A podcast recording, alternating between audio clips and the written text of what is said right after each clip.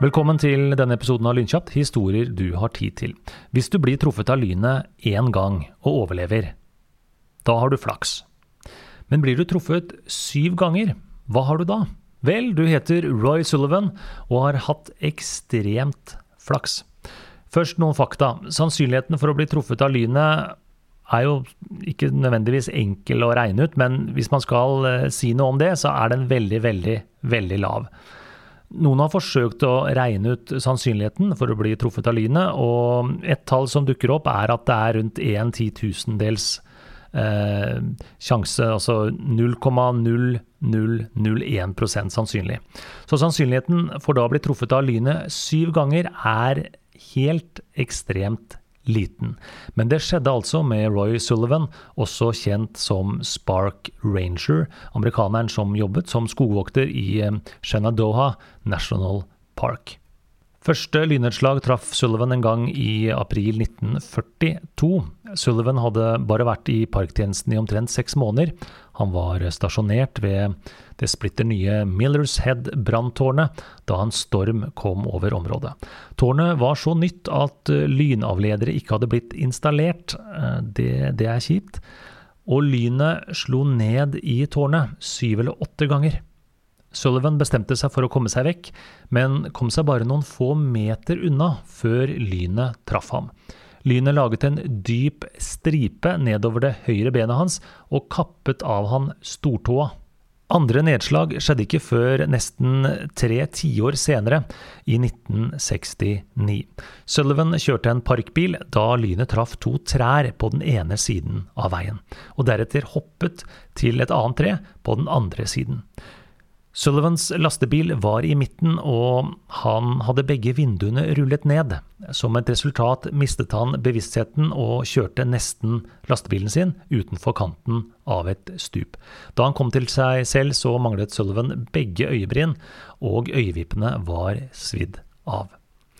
Alle gode ting er tre, er det noe som heter, og det tredje lynnedslaget skjedde et år senere. Da øh, holdt han på med noe hagearbeid hjemme i sin egen hage da et lyn traff en transformator i nærheten, og deretter traff skulderen hans. Han ble slått i bakken og fikk noen lette brannsår. Etter tre kommer fire. Det var lett regn ute, men ingen torden, før et stort smell plutselig kom. Som han selv sa det, det var det høyeste smellet jeg noen gang har hørt. Da det sluttet å ringe i ørene mine, hørte jeg en sprakende lyd. Det var håret mitt som brant. Flammene sto seks centimeter over hodebunnen hans. Heldigvis var han i nærheten av en campingplass, så han var i stand til å bruke våte papirhåndklær fra et nærliggende toalett for å slukke flammene oppe på, på hodet. Den 7. august 1973 kom lynnedslag nummer fem. Igjen var Sullivan i en skogvokterbil, og han så at stormskyer nærmet seg. Men, men nå, nå tenker jeg litt sånn kan han, kan han, ikke bare skjønne nå at det, det, kommer til å gå gærent? Og bare grave seg Grav deg ned! Uh, og bli der til, til været gir seg. Men, men han, han, gjør ikke det. Han, han tenker jo at det, det, det, kan ikke Ok, han tenker det kan treffe meg igjen. Så, så, han prøver å løpe vekk fra lynet. Og det er jo, det er jo morsomt. altså han, han stopper opp og tenker ja, dette gikk jo bra. Men nei da, stor tabbe. Han kikker opp og ser at lynet kommer ut av en sky og i retning mot der han står.